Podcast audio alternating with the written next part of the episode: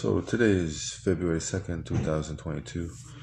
We will be continuing off with uh, origins. Where do we come from? Psalm 33. In Psalm 33, we are reading that in the Lord is our victory. Our victory is in the Lord. In all his right, our victory is in the Lord. Whatever he does is just and good. He has unfailing love and it fills the earth. So our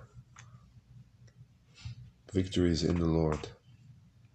That's what Psalm 33 is. Put your best testament to the test, and that is to love your God with all your heart, soul, and mind. And do everything that is pleasing to Him that way.